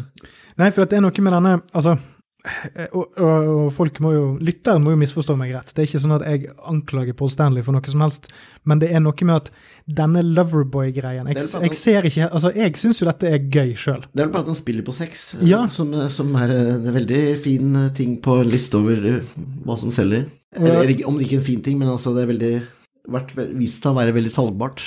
Du lurer på hvem det er som syns han er sexy? Ja, fordi, fordi greien er at jeg syns at den svinsingen hans er ganske kul. Men det er ikke fordi at jeg syns at han ser kul ut. Det jeg syns er kult, er at han tror at dette er kult, og gjør det likevel. Ja. Det syns jeg er kult, men det slår meg som en eller annen pose, noe han gjør. Så jeg tror at Noen skal frem til? Jo, men jeg tror at denne pusegutt-muskeldude-greien som han har gående Jeg tror i hans ego så handler det om at han skal være en eller annen slags sexgud som får alle damene. Men det som funker for Kiss-fansen, er at de ser han på De ser det der, og så må de bare internalisere en eller annen slags homofobi de har, og si ja, men jeg liker denne musikken, så da må jo dette være kult på et eller annet slags vis. Jeg tror jeg vet hva det er for noe, og det, det er det evigvarende greiene med øret hans. Ja, Tror du ikke det? jo. Komplekse. Ja. Det han har deformert øre eller noe sånt. Ja, han mangler Han har ikke øre på høyre. Eller. Eller ja, mangler øre. øre. Jeg kan alltid dekke det med hår, ikke sant? Kanskje det er noe med det, bare. Altså han vil det, har, det er vel det han prater kanskje mest om som sånn trigger for veldig mye, da. Ja, og så har han jo òg vært veldig us snakket om at han var veldig usikker for å være en sånn chubby liten kid og sånn òg. Ja, det har vedvart. Så jeg, jeg vet ikke om jeg klarer å, å finne en, en, en button for den, den delen av samtalen, men Jeg tror det er dreier seg om det øret, altså. Ja, ja, men det er nok det øret, men jeg tror det er mye, mye mer. Det var jo, altså, sånn, for å bare ha én anekdote til om Paul Stanley sin usikkerhet, så er jo det at på et tidspunkt så ble de jo bankerott fordi at han lot psykologen sin bli bandmanager, og så stakk han av med masse cash oh, ja. fra Hot in the Shade-turneen, eller whatever. Jesse Hilson heter han. Okay. Jeg syns det, det tegner et bilde av Paul Stanley som en person som har prøvd å fikse en del greier, og så har ikke han helt skjønt Altså, uh, han har noen ideer om, om seg sjøl som en, en, en seksuelt mektig mann som skal være en rockestjerne og alt det der, men så blir han fucket over av f.eks. psykologen sin og andre. Han, han er rett og slett en ganske mistroisk person, og da syns jeg det er veldig fascinerende at han holder på dette imaget over så mange tiår, og nå som 70-åring fremdeles står og smukker seg til. Det er en, det er en kjernete fascinasjon. Han er ganske godt i gang, da, så det er sikkert ganske vanskelig å gi seg med det nå. ja, det er Eh, og så tenkte jeg at eh, han er veldig godt i gang, og eh, det er vel aldri kanskje noen som har spurt han om disse tingene, er det? Som, Nei. Nei, du har aldri hørt om det? Han ville aldri svare på sånne spørsmål der, ikke sant? Nei, Paul Stanley er en ganske eh, innstudert type. Psykologen skulle fått tak i, altså det, det hadde vært interessant. Jeg tror, jeg vet ikke om han er daud, men han var, var jo en sånn skatteflyktning i mange år. Ja. Jeg tror det jeg driver rant om nå, er jo eh, sant, altså, altså der med øret til Paul Stanley. Ja, men den, den sexingen hans er det som du lurer på, ikke sant? Hvorfor han holder på med det, liksom. Det, det, er, jo- det er sånn han, hans person er. Sånn sett er det jo ganske artig at Gene Simmons på en måte har blitt den som folk mener er en poser av dem. Fordi jeg syns at Gene Simmons er ganske ærlig med sin sexavhengighet, og at han er en drittsekk. Altså, han, han, han er veldig komfortabel i Ærlig om sitt rasshøl. Ja, altså han, han spiller jo òg en rolle offentlig. sant? Altså Både med og uten sminke så er han en sånn karakter. sant? Men, han, Ja. men det tror jeg er på en måte en karakter som er basert veldig på hvem Gene Simmons er. Mens Paul Stanley får jeg alltid en følelse av at er en karakter basert på hva Paul Stanley føler at han burde være. Sikkert. Om det henger på greip. Da sier jeg bare at det, det henger jeg med på. Jeg har liksom ikke tenkt så mye på det derre Jeg har observert at han, eh, han liker å vise seg litt og sånn, og det, det har jeg bare tenkt at eh, sånn er det bare, og jeg syns det er bare gøy. Ja. Jo, men for, for, for å knytte dette inn til noe som helt konkret Ja. har noe med, med din rolle i, i om vi skal kalle det Kiss Army Norway, eh, å Altså- gjøre. Du er jo kjent enkelte steder for eh, en uttalelse som jeg nå skal sitere deg på ordrett. Paul Stanley er ufør. Og så vil jeg gjerne at du kan fortelle litt om skandalene rundt dette utsagnet. Jeg meldte, meldte meg inn i Det var en periode i 2014-2015 hvor jeg var veldig aktiv i, på Facebook. Mm. Og da meldte jeg meg inn i Kiss Bastards of Norway, som er Kiss Army sitt eh, fora for eh, Mm. det jeg trodde var Kiss-diskusjon og debatt. Som jeg er veldig Du trodde det var jeg, jeg, jeg, er veldig, jeg er veldig interessert i Kiss. Man kan også godsnakke, da. mm. Vi, altså, vi, diskuterer ikke, debatterer ikke så veldig her nå, men vi har liksom i hvert fall sånn Nok. vi sitter og intellektualiserer litt over uh, Kiss, i den grad det går an, da. Så det ble bare etter hvert sånn eh, Men det, jeg mener jo det, da. At, at han er det, ufør. Altså, hvis han ikke har stemme, så er han jo det. Ja, for, at, altså, for, for å rulle tilbake, hvorfor mener du han er ufør? Altså, hva, Ja, ja, nei, når nå- ble nå- Stanley ufør? Nå gikk det veldig fort, da, men altså, poenget mitt med Det var et innlegg jeg hadde i den gruppa hvor jeg skrev, skrev at så, som jeg ser det, så er Paul Stanley ufør. Hvis han ikke kan snakke mellom låtene, liksom, så Mm. har han jo ikke stemme. Og jeg syns ikke vi i gruppa her, eller i andre arme- armeer verden over, skal forlange at han må gjøre dette her eh, veldig mange år til. Noe sånt. Og da ble responsen Det er utkastelse. Altså, kontant, eller var det noe ja, ja, men da var det jo andre Altså jeg, jeg vil, altså, vil jo påstå at jeg prøvde å få til ting der, sånn, eller sånn Det var egentlig omsorg for Paul Stanley, dette her. Ja, egentlig litt. Eller er mange fasetter ved det, men øh, jeg synes, altså, altså, hvis han ikke På Tons of Rock så hadde han vel nesten sånn playback på mellomsnakket, hadde han ikke det? Eh, på Tons of Rock i 2019, det var siste gang jeg Ja. så, vi var vel der begge to. Der var det sånn at Og på End of the Road-turneen, som Mm. nå er den avskjedsturneen de har nå, så er det sånn at han har playback. Dette Dette er bevist beyond Ja. any. Det er folk på YouTube som har gjort masse sammenligningsarbeid og sånn. Eh, han har playback. Det er liksom ikke åpenbar playback, for at du hører at det er en gammel Paul Stanley som synger, men det er autotunet og korrekt på en måte. Yeah. sånn at det ikke, og, og det er lagt opp sånn at han, han kan synge et og annet vers. Og det er mest sannsynlig pluk, eh, gjort sånn at det skal bli vanskeligere å oppdage på YouTube-opptak og sånn. Eh, men store deler av det han synger, i hermetegn, er playback. Men det blir så utrolig åpenbart når du hører at han, han, han synger in tune. Han, han, høres jo ikke ut som i 1996, liksom, men han synger in tune eh, på Detroit Rock City. Og så skal han prøve å jazze opp neste låt, og så hører du at han klarer nesten ikke å snakke. Altså det, plutselig er det en halv frosk i halsen hans. Men det er litt sånn Når, når, når døde Chuck Berry? Det er ikke så lenge siden. Nei, ikke sant, han var og spilte Han ble vel dement, ikke sant? Ja, altså han, han, spilte jo til han var 90 eller et eller annet. Det, det er ikke mer enn fem år siden, kanskje. Jeg syns jo det er litt gærent at en som er dement, skal ut og spille. For Mm. at folk Eller noen vil det, da. Ja, Jan Bruce Willis har jo nå gitt seg som skuespiller. oh, ja. Etter at han har afasi, heter det. Oh, ja. Sånn at han, han klarer ikke å han, han skjønner ikke ord. Dette visste ikke jeg. Det ganske- de refererte til min afasi. Sånn, og siden jeg er skallet, at det var noe sånn uh... Nei, det, er vel Appala... eh, Hva er det Frode Alnes-syndrom? ja, men eh, altså, Bruce Willis er vel skallet. Det er vel Jeg visste ikke aha, oh, ja, han har blitt Jeg visste ikke. Nei, nei, han trakk seg nettopp som skuespiller. Men, men for, i, i forkant av det at han trakk seg nå, så var det at han hadde vært med i veldig mange dårlige filmer. Oh, ja. Og da er det da et spørsmål om det nesten var elder abuse å, ha han med i de filmene, for at han helt åpenbart måtte ha en sånn plugg i øret for å få Hvis folk visste det, så Ja, eh, og, men det er jo ikke tilfellet med Paul Stanley. Han er jo ikke dement. Nei, men- nei, med tilfellet ikke, så er det jo også at de, velger, de er vel sine egne Herre. bosses, Mm. vil jeg tro, uten at jeg veit det. Eh, Men, eh, men så altså, hvis folk ikke får gjort det de skal gjøre, så får man ikke gjort det man skal gjøre, er det egentlig det jeg tenker. Jo, jeg, at, at du ble kastet ut av et internettfora for å faktisk bare påpeke det som er sant, det, det sier jo òg noe om, om den mentale Jo, jo. tilstanden hos denne gjengen her, da. Ja. Kiss Army. Ja, det kan jo, jo altså, Men altså, folk vil jo ha Kiss med seg, ikke sant, og vil ikke ha det illusjonen ødelagt, men den blir jo det Sånn som når jeg var på Valhall og så de, så ødela jeg det litt Altså, jeg har ikke ødelagt det helt, men altså Det var sånn gikk etter fire låter 2007-2008. Ja, 8 og 10-11 tror jeg de spilte der. Aldri sett det før, ikke sant. Gledet meg lenge og gikk med en kompis. Og... Men det var liksom hele settingen rundt det som var ganske kjipt, da, med liksom øldrikking på siden og For det var sånn all ages, og det var liksom Jeg vet ikke om du har vært her? Eh, Jeg var så de andre gangen de spilte i Hvaler. Jeg så, så de ikke på Live 35-turneen, som jeg tror var da du så de.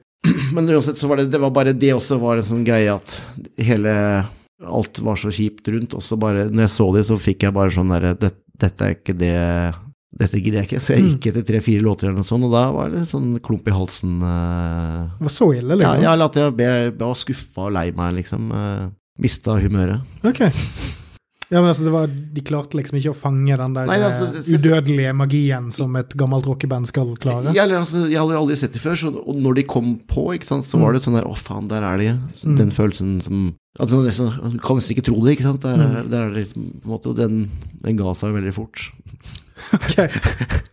Og jeg vil også gjerne ha, bare ha den der eh, illusjonen egentlig for alltid, da. Mm. Jeg er veldig redd for å miste interessen for Kiss.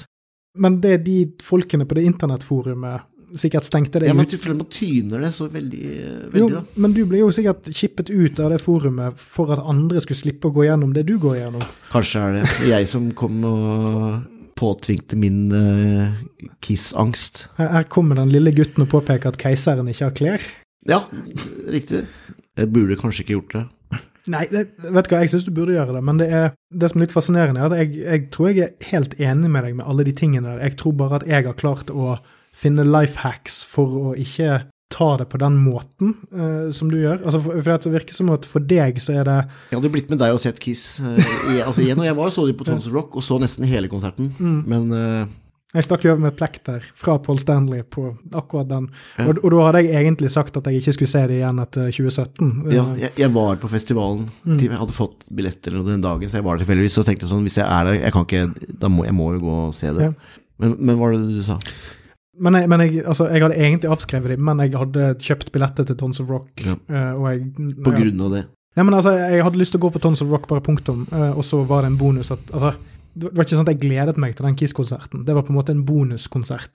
Og for meg så var det faktisk det at de begynte å bruke playback som var spikeren i kisten, på en måte. Fordi at da, da er de helt ferdig med det retroprosjektet de begynte i 1996. Ja, men det er jo veldig moderne nå, da. Bare å, Jo, men, men det er da, da er du helt ferdig med rockeband-utøvelsen din. Jeg er ikke så nazi som en del andre folk. Jeg mener du kan bruke backing tracks og, og lydeffekter og sånt. Altså sånn, jeg har ikke noe imot at, altså Hvis det er sånn at på, på, på CD-en eller på albumet at det er vokalisten som kjører harmoniet bak sin egen vokal, sånn som uh, Wasp gjør, eksempel, at det er Blackie Lawless som er koret bak Blackie Lawless sin stemme, så har ikke jeg noe imot at de bruker backing tapes for det live. Fordi da er det på en måte bare for å beefe opp sounden, på en måte. Altså for å, for å altså De kan ikke hyre inn fire andre Blackie Lawless til å stå og kore. nei, så, Sant? så, du er enig at den er ufør, du også? Ja, jeg er egentlig helt enig. Så det egentlig det.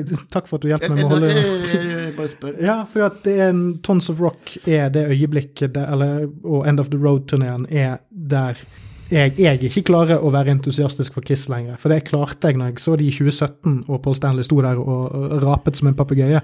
For da var de i hvert fall ekte. Da var det i hvert fall et forsøk. Altså, det var kanskje på sett og vis patetisk, men det å klare å selge ut Spektrum når du høres ut som en hes kråke, det er ganske bra gjort, det òg. Altså, du Ja, det står i hvert fall og prøver å spille, og prøver å, prøver å være noe. Og klarer det jo helt åpenbart, tydeligvis, men, men eh, Jeg syns han får til den der Soul Station-greiene sine. Der har han liksom stemmen til det. eh, Ja. Det er jo ikke Kiss, men Nei. Ja, For han har fremdeles den, den han får til det. sånn, et sånt lite sånn clean register mellom to-tre. For det, det er jo det du hører med stemmen til Paul Leo, at han har jo, han har jo blåst ut hele deler av stemmebåndet. Litt sånn som jeg begynner å høres ut nå. Men at, at det er rett, altså det er ikke nødvendigvis at han synger surt, det er bare at han har, han har ikke muskler der lenger. Jeg lurer på hvordan det hadde vært hvis det ikke hadde vært sånn at de hadde gitt seg for 10-15 år siden. Om hvordan interessen da, Eller da hadde vi ikke hatt den tematikken. Så eller for, for, min egen del så spiller det ingen rolle de kan holde på i 20 år til, altså hvis de orker å At de er 90. Ja, eller og det hadde jo vært veldig Gøy. det, hvis de hadde gjort det. Det eneste de sier vel nå, er at de da må de få lettere kostymer. Men det kunne de jo gjort for De lenge kunne fått siden. sånne crocs, eh, eller sånne I want crock and roll all night. plastikk eh, Det er jo så veldig tungt. Fått sånne tennisballer under eh, rullatoren. Og gåstolen hvor de det går. kan hende skjer òg. Mm. Sånn at det, det har ikke noe å si for min uh, Kiss-interesse, liksom. Sånn, Mm. Den har jeg uansett. Det er bare Men, men du har inntrykk av at de ødelegger noe nå? Eller gjorde det, i hvert fall. ja, men jeg. Det som er at jeg, jeg tenker at jeg bryr meg ikke noe om det. Altså det, det er bare det Jeg tar ikke det inn. Mm. Det er liksom Jeg, jeg har jo liker jo Revenge nå, nå gjør jeg det. Men uh, det stopper for meg liksom etter den, egentlig. Så har jeg liksom tenker jeg at det, det får bare være. Jeg har det, det har det andre, ikke sant. Så Ja, for du var jo litt innom det der at reunion ødela det levende Kiss, kanskje? Eller, Ja. eller, eller liksom recording Kiss. ja. Og det, det... Og at Ace Frehley da hadde, hadde tror jeg hadde noe veldig bra greier på gang. mm. Som man kanskje kunne tatt inn i noen Kiss-greier og eventuelt, da. Hvis ikke de to andre vært så Eller de to hadde vært så veldig pikkete av seg. Mm. Ja, for, at for, for, for å trekke det litt tilbake inn til musikken, da. Vi, Ja, vi har, vi har jo, Det var det jeg snakket om nå. Ja, for at, eh, det har jo vi kanskje vært litt dårlige på å snakke om. Men, Ja. men som du har vært inne på flere ganger, jeg burde jo berømme deg for det, så er det jo at reunion ødela jo flyten i Kiss sin, sin output. Ja. at, altså, de hadde jo begynt å sakke litt akterut, eller sånn ikke gi ut like mange plater. Det det var sånt, jo men- selvfølgelig at man skjønte at ok, det, var, det het Carnival of Souls, Mm. At det, det går ikke, liksom. Mm. Og at selvfølgelig Og jeg skjønner jo det, at eh, hvorfor man gjorde det. Men de kunne jo likevel prøvd å fortsette med det. Det hadde vært litt kult, det. Men eh, at om, det, om det hadde blitt noe bra, det, det tror jeg kanskje ikke, men Eller, jeg vet ikke. Men, For, for å trekke det litt til den Altså, dette bildet i hodet som alle Kiss-fans har av hvem Ja. Kiss burde være, så, så er jeg da helt enig med deg i at det aller beste alternativet hadde vært at de kjørte reunion-turneen, og så var det ferdig. Og så fortsatte de å lage det var det kanskje folk tenkte også, ikke sant? Ja, men det, det var for mye penger i det, åpenbart. Det var for retro, det var for alt mulig. Var det de som satte i gang det der greiene sånn veldig sånn Jeg lurer på om det var noen andre, om, om Eagles kanskje hadde noen reunion-greier rundt samme tid, og kanskje, ja. Men, men, ja, men så Det var ingen så ingen sånn, på det tidspunktet dere var spilt liksom hele plater fra 70-80-tallet, eller, eller sånn Nei, det kan hende at det kom sånn på 2000-tallet. Ja. Eh, Metallica gjorde det i 2006, når det var 20-årsjubileum for Master of Puppets og sånn. ja men så kanskje man begynte å gi opp allerede i 96, liksom. At da tenkte Kiss da det nå Som eh, vi snakket om i stad, at alt Jeg vet ikke om det var på opptak eller ikke, men at eh, Er alle vendinger tatt, liksom? At vi, vi kan ikke tilføye noe her, liksom. Vi klarer ikke å lage grunge like bra som eh, vi skulle ønske, så da får vi bare begynne på nytt. Men der, der kommer jo den grunnleggende usikkerheten som jeg tror er i kjernen av KISS-prosjektet. da. At de ikke vet hvem de er. Ja, ja, de vet grunnleggende sett ikke hva de vil. Nei, og de visste ikke hva de skulle gjøre. Skulle det være sånn uh, Smashing Pumpkins, liksom, eller jeg vet ikke hva som var i 90 Altså Silverchair, eller uh, Oasis, kanskje.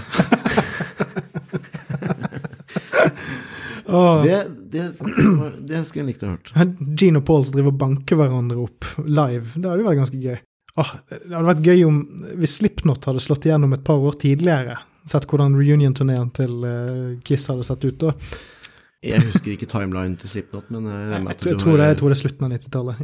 Kanskje, tror du ikke kanskje at det var det mangel på impulser, kanskje? At man eh, da ble den der usikkerheten om hvem eller hva vi skal gjøre, så stor at vi må bare kjøre eh, retro-reunion, liksom? Ja, ja, altså grunnen for det tror jeg er, er dette ønsket til Kiss om å ikke, ikke bli et sånt gammelt rockeband som er nødt til å spille på Rockefeller, når de en gang fylte Madison Square Garden. Og det tror jeg eh, Den kreative kraften i Kiss har jo alltid vært det å gi et inntrykk av at de er ti ganger større enn det de er. Og at yeah. de er det største bandet i verden. Yeah. og, og en grunnleggende usikkerhet som gjør at bandet sjøl er ikke sikker på hva de sine største styrke er. Og det er jo en av grunnene til at jeg er så glad i Revenge, for eksempel. For at Revenge er et tilfelle der Kiss virker å faktisk skjønne hva Altså, nesten alle låtene på det albumet har en selvsikkerhet og har en, en Altså, det er på en måte justert litt for tiden, men det er fremdeles et Kiss-album. Det er fremdeles Du kunne, igjen, som jeg sa i sted, man kunne spilt de inn med Hot in the Shade-produksjon, og det hadde fremdeles vært gode låter. Men, men at Kiss sjøl aldri har skjønt uh, sine egne styrker. Paul Stanley har aldri skjønt sine egne styrker. Gene Simmons har aldri egentlig skjønt at uh, hans tøffeste Altså, det han har å by på, er, er denne demonskikkelsen. Han har aldri egentlig dyrket den gjennom hele karrieren. Han, synger noen sanger om å være ond, det er ikke det, men Det skulle vært mer som blod og ild og ja, ja, eller det skulle i hvert fall vært flere tøffe rockelåter. Altså, altså, det er så rart at Kiss ikke skjønte at demonduden kanskje burde ha noen harde rockelåter på hver plate. Det hadde, du, det hadde Per Ståle Honning, man manageren, sagt. Du har aldri skjønt hva som er din styrke, Gin. Jeg, jeg gleder meg til Kanskje du kan bli sånn eh, host på Tons of Rock når Kiss kommer tilbake igjen, og så kan du spørre Gene Simmons om han virkelig har skjønt sine egne styrker. Takk, takk for det. Jeg håper dette skjer. Ja, du får, du får sette meg i kontakt med folk. Ja, det, dette må skje. Ja, nei, kanskje, ja, kanskje Nei, ja. Altså, han burde eh, gjort mer, ja. Og, og, Brukt sin persona mer. Og så tenker jeg vi kan, vi kan gå inn på dette med maskene. Jeg, jeg tenker kanskje dette er den beste sånn avslutningsbiten. Så hvis, vi, hvis vi Skal vi ikke snakke om Phantom of the Park i det hele tatt? Det kan vi. Uh, jo, ja, for det, den fikk jeg også ganske tidlig. Bestilte fra jeg tror det var Ginsa, altså en svensk sånn postordrekatalog. Ymse snusk og kiss. Eh, ja, det var vel snusk der òg, men da på det tidspunktet så var det ikke mulig for meg å bestille det. Mm. Eller det var, det var for risky, da. Ja. Så du, tok det snusket du kunne få, av det var Kiss Meets the Phantom of the Park. Ja, eller i Exposed så var det jo eh, Ellos-katalogen, eventuelt. Mm. eventuelt. Nei, så for, for, for å ta det helt tidlige Kiss, da, for som du Mm. spurte om inne først, med, eh, så var jo den filmen ganske viktig. Mm. Jeg syns jo den var kjempebra, jeg. Jeg, jeg misunner deg den outlooken på det. Ja, for jeg så den såpass ung, ikke sant, når den kom i posten, og bare For at det i hele tatt da se at den Å, faen, den kan, den kan bestilles. Jeg skal virkelig få den, liksom. Og så når den kom, ikke sant, så så den jo 15, 20, 30 Altså bare kan den jo utenat. Så for meg så var det bare helt en fantastisk film, ikke sant. Mm. Det, den vel kanskje også i 78. 78, ikke sant. Mm. Det visste vel ikke jeg da, eller altså, det var Det- Det aller gøyeste med Kiss Meets the Phantom of the Park er jo at stuntmannen til Ace Frehley er afroamerikaner. Ja, stemmer det. Når han slåss med de Ja, hva han slåss med? Noen, Ja, det- noen, noen folk på eh, tivoli Ja. i noen karuseller. Mm. Nei, jeg, jeg har òg sett den, og den, det, er jo, det, er en, det er jo en tidskapsel av en film, egentlig. Den er jo produsert av Hannah Barbera, de som lager Scooby-Doo og Scooby-Doo. Flintstones og sånn. Uh, og det er jo egentlig som en episode av Scooby-Doo, bare uten Scooby-Doo. Men altså, at stuntmannen var uh, melaninrik, har, Mm. altså han var sminket, det, det har jo ikke noe Nei, nei, det er bare morsomt å legge merke til. Altså, det, det er jo en film som det jo en TV-film som var lagd for å bli sett på en tube-TV i 1978, så det å se det i full glorious HD avslører jo en del av, eh, en del av svakhetene i eh, produksjonen, for å si det mildt. Jeg syns det var gøy å observere det når jeg så den igjen, Mm. at, det, at det var stuntfolk involvert, for det hadde jo det hadde gått meg hus forbi, ikke sant. Men det, det, det som også er litt trist med den filmen, er jo at den kunne jo vært mye kulere. Ja, det er vanskelig for meg å sette meg inn i. Hvordan tenker, tenker du da? Nei, for jeg tenker, altså det er sånn uh, Kiss er et enormt stort band, sant, i 1977. de skal lage en TV-film. Altså, det, er ikke, det er jo ikke en kinofilm, men er ja, ja, ganske mange millioner folk som skal se den. Jeg tror den gikk den rett på video, tror du? Mm, de hadde vel omtrent ikke video på den tiden. Eh, Omtrent da hjemmevideo kom, tror jeg. Eller det, ja, ja, ikke sant? Ja, for den, den har vel, Jeg tror den gikk på kino i Europa. Ja. Tror jeg, jeg tror den i sånn Spania og Tyskland og sånn. Altså, I den delen av verden vi ikke var vant til at film var bra, der gikk han på kino. Ja. Eh, nei, men, men det er jo det som er så artig med det, det er jo at det er jo òg et sånt tilfelle av Kiss der Kiss prøver å være, være noe for andre. Det bygger vel bare videre på tegneserietingene, ikke sant? At de har, alle de har, har, Har superkrefter. Har, har forskjellige våpen og sånn, ikke sant? Og at Mm. de ja, eller, ja, at det eksisterer et annet univers, da. Sitt eget, at de bor på en sånn det er sånn scener rundt bassenget og ikke sant? ja, de driver og henger rundt i munkekapper rundt et basseng. Ja. Og så har de noen sånne talismaner som gir de kreftene deres. Og Paul Stanley kan skyte laserstråle Ja. ut av øyet, og Ja. Peter Chris er en katt, og uh, Gene Simmons kan spy flamme. ja, stemmer. Men det er jo det at de er jo fremdeles et rockeband. Altså, det, det, det er ikke Hele plottet handler om at de skal spille en rockekonsert på en, en, en, et tivoli. og så er det en, en fyr som lager roboter på det tivoliet som er misfornøyd, og så prøver han å stoppe Kiss. Han ki får de kidnappet, og så sender han ut uh, sine robot-Kiss, som er det evil Kiss. Ja, som synger Rip and Destroy istedenfor uh, Hotter Than Hell. Ja, stemmer. Alle, altså jeg var jo ganske liten, altså da fikk den kanskje i 89-90, ikke sant? Sånn at Mm. hvem som helst på den alderen hadde vel sikkert bare tenkt at ja, det er dritbra, liksom. Jeg, jeg klarer ikke å Det sitter for dypt uh, å se at det er bare for det makkverket det sikkert, sikkert regner med at det er, da. Jeg syns den er en, en adekvat sånn en sixpack og en kompisgjeng-type film, men den, den holder seg jo ikke på noen andre måte enn det. Det, det jeg mener med det, er at det er sånn Paul Stanley har sagt at de fikk det presentert som A Hard Day's Night møter Star Wars. At det var liksom det de skulle lage. Helt sikkert.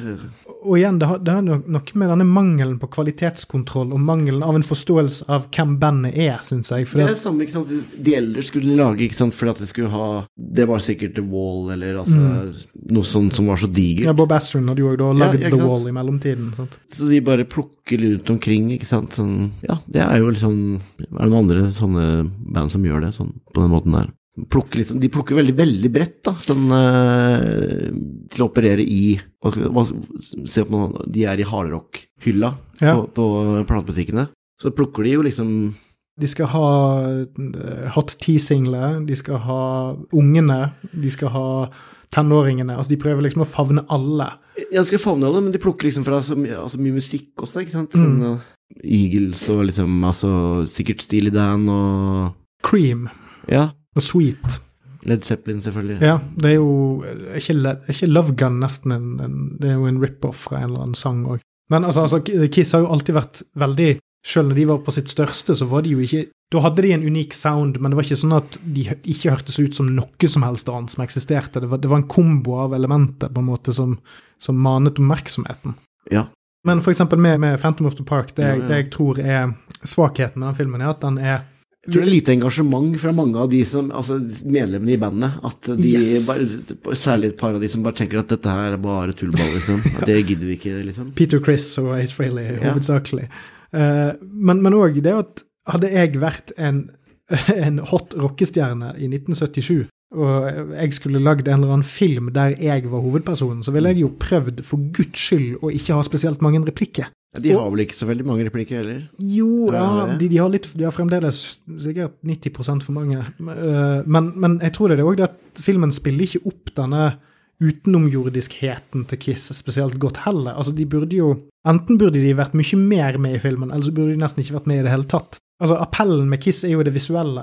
Så det å lage en film der Kiss er med i Lage en 90 minutters film der Kiss er med i kanskje 25 minutter, er ikke en god film. Nei. Og det er derfor Scooby-Doo-filmen Kiss Meets Scooby-Doo er en fantastisk remake av Kiss Meets The Phantom of the Park. Ja, nå kom jeg på da mitt take, vi, vi, for vi snakket om Phantom of the Park, og det er at Kiss er Abner Devereaux, altså den eh, onde vitenskapsmannen, Ok. og Kiss Army er Sam. Ja. Altså denne karakteren som eh, Kiss prøver å redde. Eller altså, den, han lager jo en person. Det er dypt og fint. ja, det er ganske dypt og fint.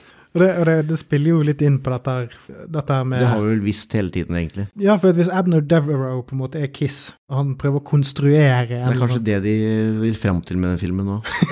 det var det de egentlig prøvde å si. Han prøver, jeg tror det.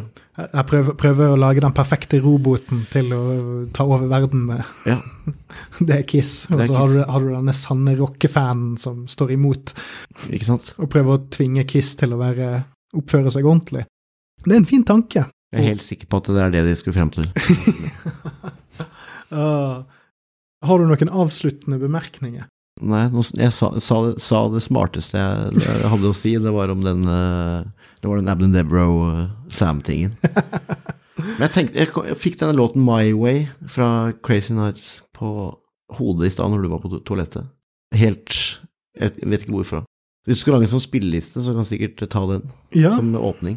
Kanskje under denne episoden så ligger det en link til uh, Tordentale sin uh, undervurdert Kiss-spilleliste. Uh, Men My Way, det er jo Jeg har ingen forklaring på hvorfor den kom inn. Det er òg en ganske Paul Stanley-låt, ja. ikke det? Hva, hva, er teksten på den? Ja, skal vi finne teksten? Ja, gjør det. Oh, the heat is on and my back's against the wall. You know it's tough to be strong in a world that makes you crawl. I'm never gonna stop. I'm never gonna give up in the fight. Cause after the battle is done, all you've got left is your pride.